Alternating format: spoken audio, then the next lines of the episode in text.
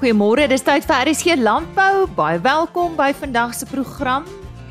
Die Europese Unie se beweging na 'n groener omgewing het gelei tot die sogenaamde Green Deal ooreenkoms en baie streng vereistes word aan invoerlande gestel.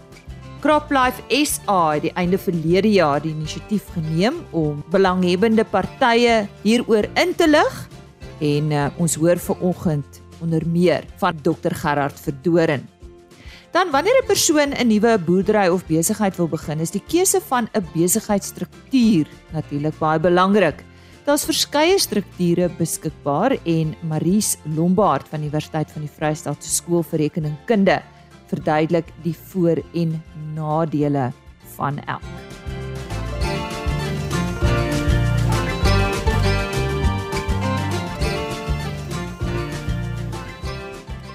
CropLife Suid-Afrika het onlangs 'n konferensie by die Lord Charles Hotel in Somerset Wes naby Kaapstad gehou om die impak van die Europese Unie se sogenaamde Green Deal op die landbousektor in Suid-Afrika en ook in ander dele van Afrika te bespreek. Die besprekings het onder meer gefokus op die Green Deal se impak op landbou-uitvoer, maksimum residuvlakke regulatoriese uitdagings en die uitfasering van gevaarlike chemikalieë.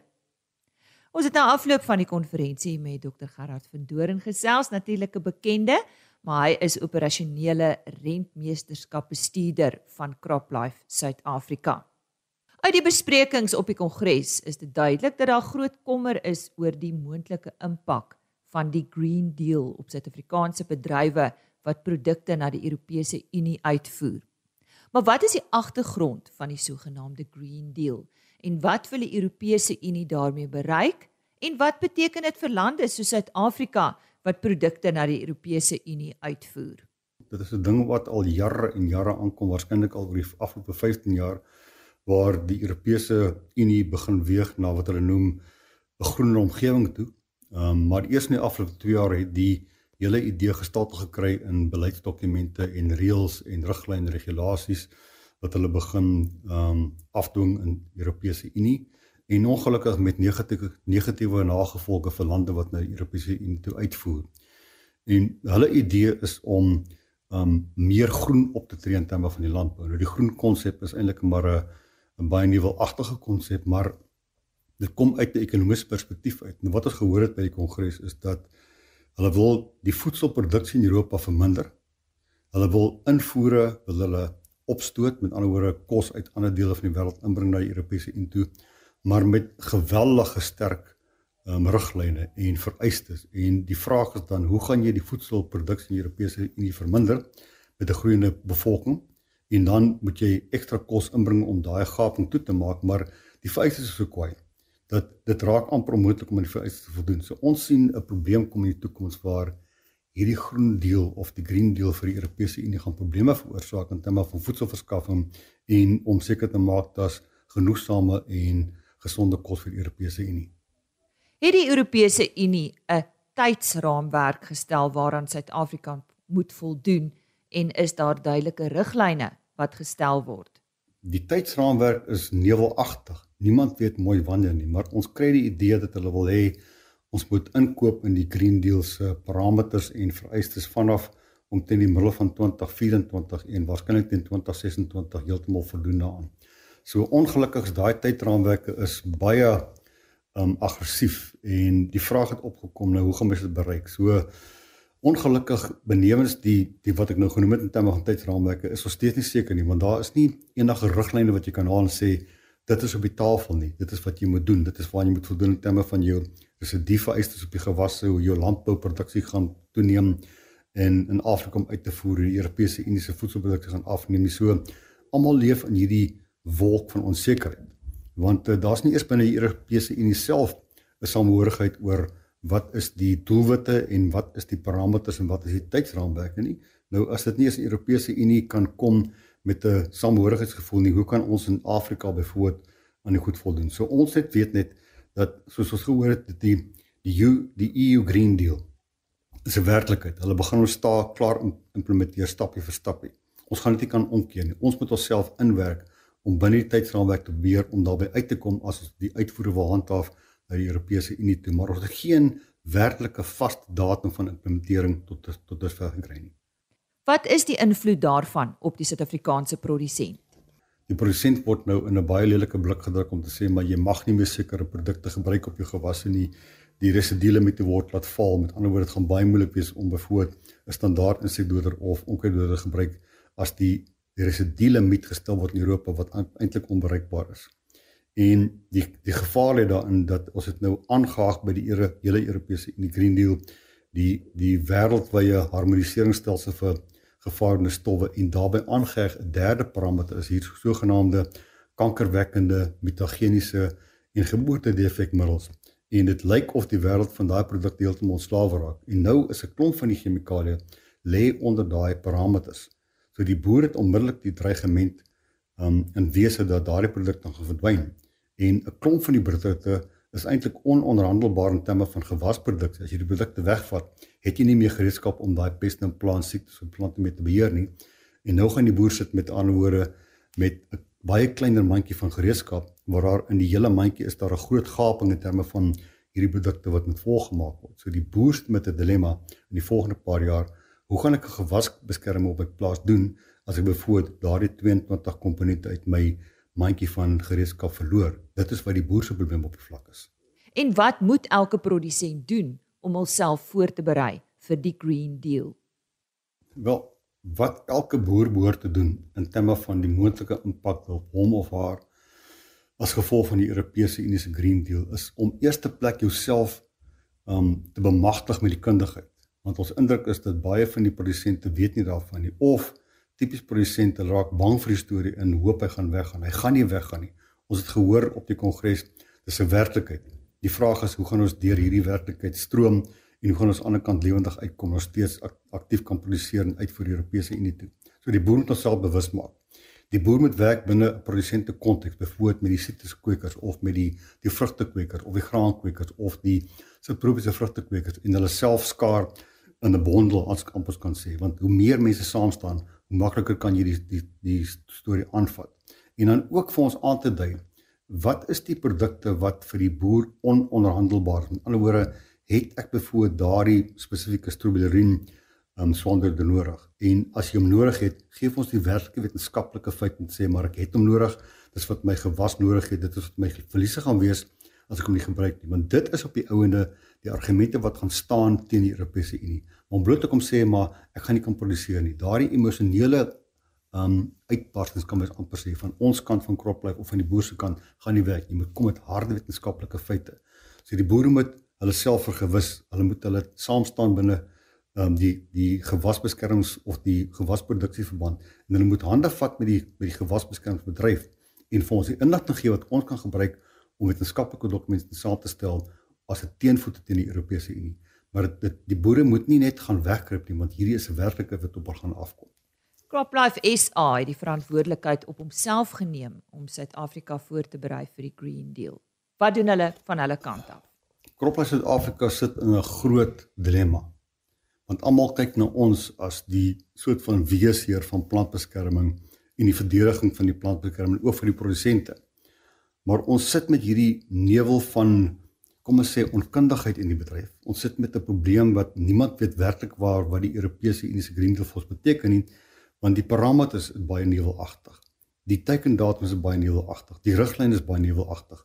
En as tot op hier staan nog geen direkte aandring selfs van ons in Suid-Afrika van die staat se kant of nie watter produkte kyk die staat na om uit te faseer en watter produkte gaan in die mark oorbly.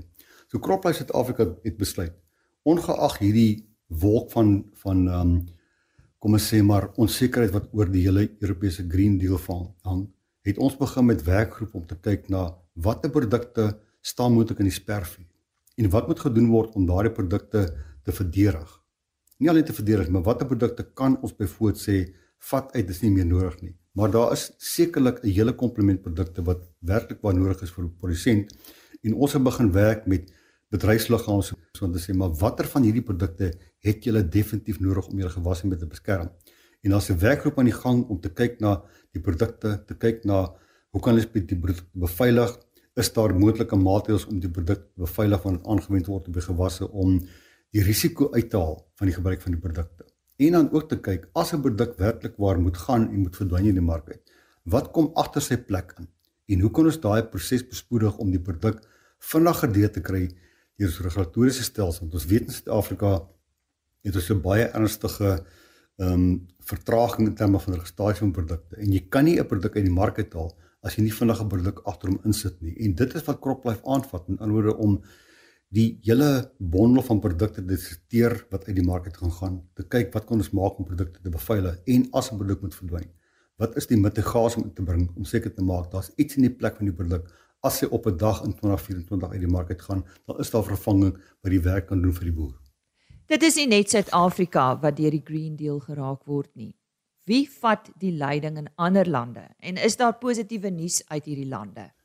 In Suid-Afrika is CropLife eintlik maar die die liggaam wat die hele Europese Green Deal aangevat het begin werk aan. Ander dele van Afrika is daar 'n baie vinnige beweging deur CropLife Africa Middle East wat die verteenwoordiger is vir die hele Afrika kontinent. Ehm um, dat hulle dan die leiding vat en lande agter hulle in posisioneer om te sê maar kom ons werk aan 'n teenvoete vir die Europese Unie se Green Deal of dan ten minste 'n mitigasie met metode om daardie goed teen te werk wat negatiewe impak op die boere het. Ons het gister eintlik bemoedigende boodskappe uit die Kongres gekry, naamlik dat Brasilië en die FSA klaar begin saam staan om te kyk hoe kan hulle 'n teenvoete skep vir die Europese Unie se Green Deal.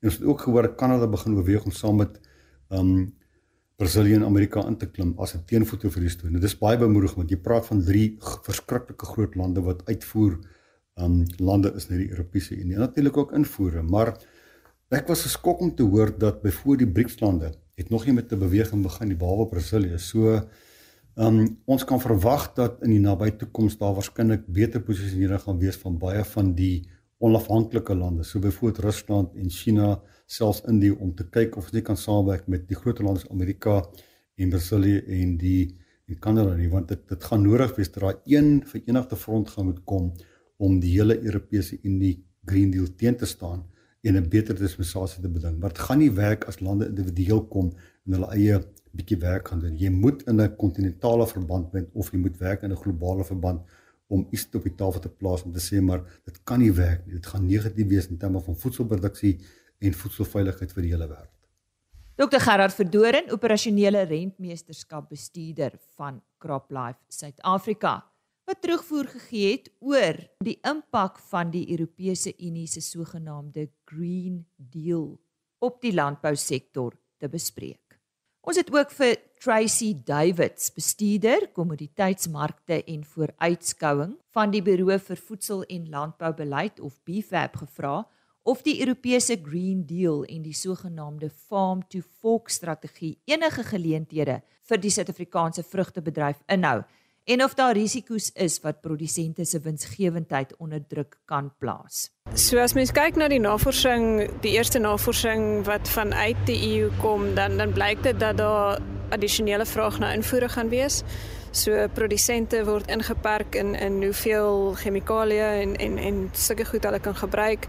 Ehm um, dis sal dit 'n invloed op produksievlakke hê en dan natuurlik ook 'n invloed op op handel. So daai het sou mense sê dat hulle meer produkte gaan invoer. Ehm um, dit blyk ook uit hierdie studies dat baie van daai produkte vars produkte gaan wees, ehm um, veral ook vrugte.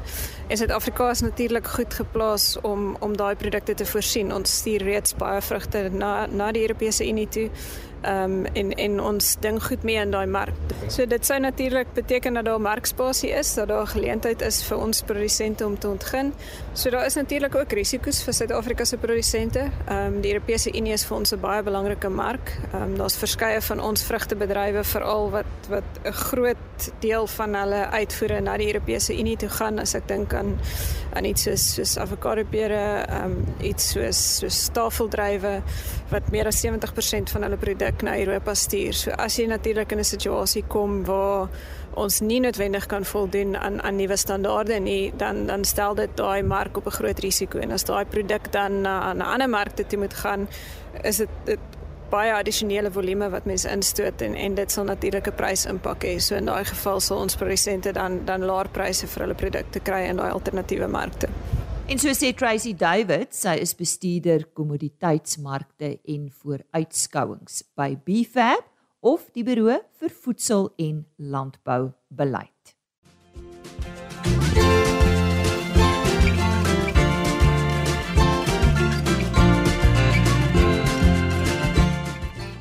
persoon 'n nuwe boerdery of besigheid wil begin, is een van die eerste oorwegings die tipe besigheidsstruktuur of entiteit wat daarvoor gebruik moet word. Elkeen het natuurlik sy eie voor- en nadele, as ook implikasies wat eienaarskap en inkomstebelasting moet tref. Nou ja, om jou eh, besluit makliker te maak, het ons dit goed gedink om met Maries Lombard te gesels. Sy is van die skool vir rekeningkunde aan die Universiteit van die Vrystaat. Maries, môre en dankie dat jy by ons aangesluit het.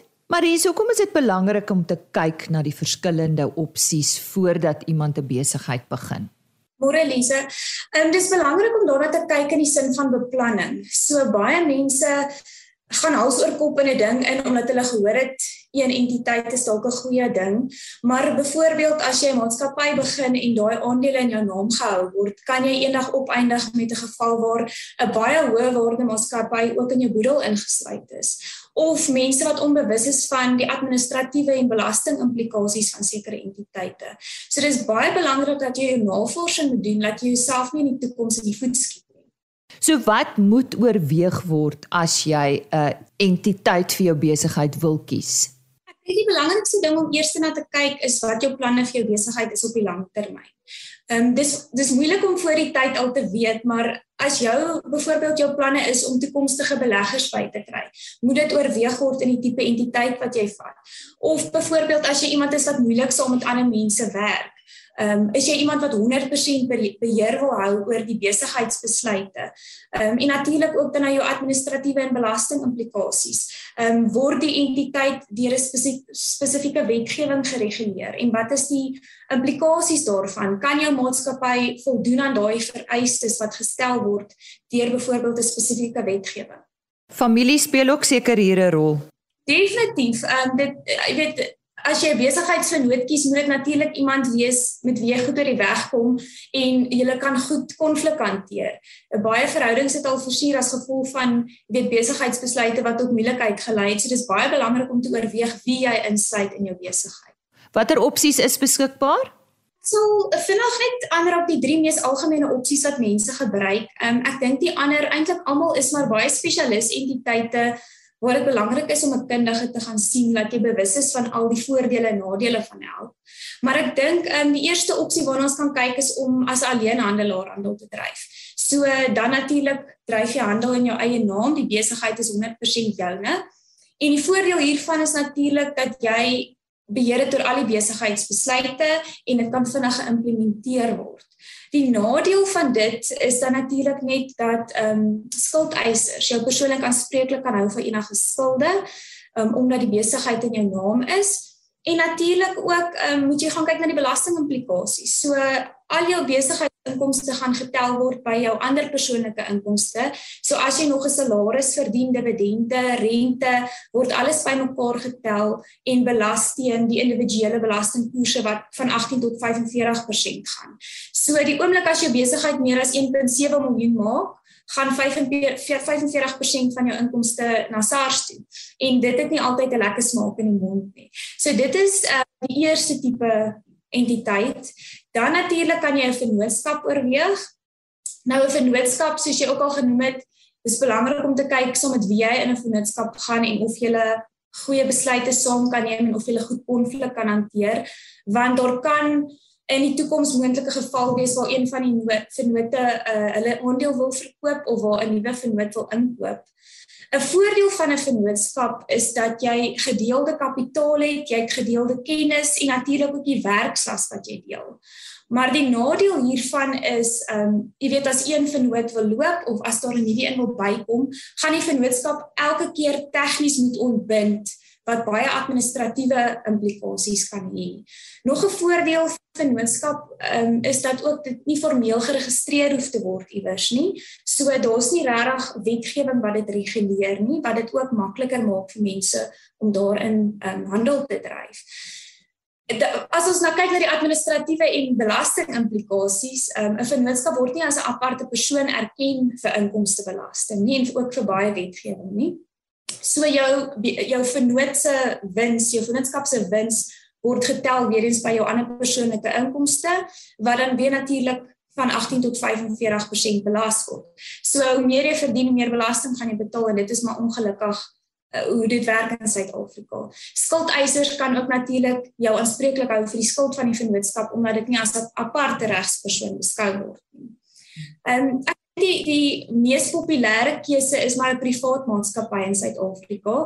Ehm um, en ek dink die hoofrede hoekom mense 'n privaat maatskappy kies is omdat jy bietjie beskerming geniet. Dit word as 'n aparte persoon beskou vir Suid-Afrikaanse doeleindes en dit impliseer dan dat skuldeisers jou nie persoonlik aanspreeklik kan hou vir skuld nie, um, tensy hulle kan bewys dat daar nalatig of ehm um, bedrieglik handel gedryf is.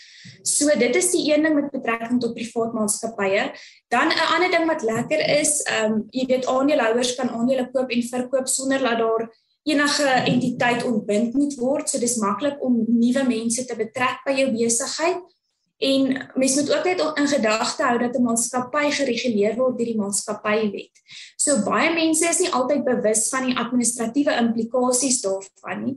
'n Maatskappy kyk na jou publieke belangtellings en hoe hoër jou publieke belangtellings word, hoe meer vereistes is daar vir jou maatskappy.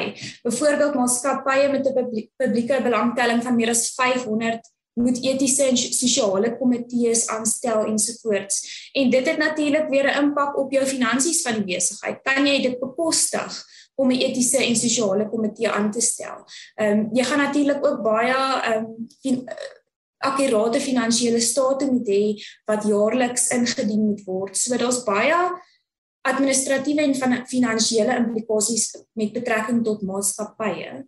Die goeie ding dit is ook een van die dryfvere vir mense om 'n maatskappy te gebruik is dat maatskappye belas word teen 28% tans. En die minister van finansies het dit nou met 'n persentasiepunt verlaag vanaf 31 Maart 2023 vir maatskappye wat se jaareinde daarna eindig. Mense sien outomaties die 28% lyk baie minder teenoor die individue se belastingskale van 18 tot 45%. Maar mense vergeet dat jy die geld uit die maatskappy moet kry om vir persoonlike gebruik te moet hê. So indien jy geld uit 'n maatskappy wil kry, gaan jy dit of in die vorm van 'n salaris moet betaal wat weer eens in hande belas gaan word, of jy gaan dit as 'n dividend moet uitkeer wat weer eens dividendbelasting tot gevolg gaan hê. So 'n mens kan nie net vasstaar teen die ehm um, belastingkoers van 28% en dink dit is drasties minder nie. Effektiewelik is die verskil glad nie so groot soos wat 'n mens dink nie. Ehm um, die ander opsies wat daar is, ehm um, soos wat ek al genoem het, is natuurlik publieke maatskappye en besigheidstrusts. Maar soos ek genoem het, ek dink dit is maar beter om 'n kundige te gaan sien oor oor hierdie tipe entiteite omdat dit baie administratiewe vereistes het. Ten slotte, wat beveel jy aan? Lisa, ek dink nie daar is 'n one size fits all antwoord nie. Ek dink dit hang af van wat jou doel is met jou besigheid en wat jou behoeftes is. En jou antwoord op die kort termyn gaan dalk nie dieselfde wees as wat die beste vir jou gaan wees op die lang termyn nie. Maar ongelukkig moet jy gaan kyk wat is vir jou moontlik op die kort termyn en of jy aan al die vereistes van 'n tipe entiteit kan voldoen. So jy gaan nooit regtig ek dink 'n keuse kry waarmee jy 100% gemaklik is nie, maar vir elke keuse gaan jy maar na die voor en nadele moet kyk en dit opweeg om te kyk wat vir jou die beste antwoord gaan gee. Ehm um, so ek dink die belangrikste wat mense net hier uit kan kry is dat dit belangrik is om jou huiswerk vir die tyd te doen.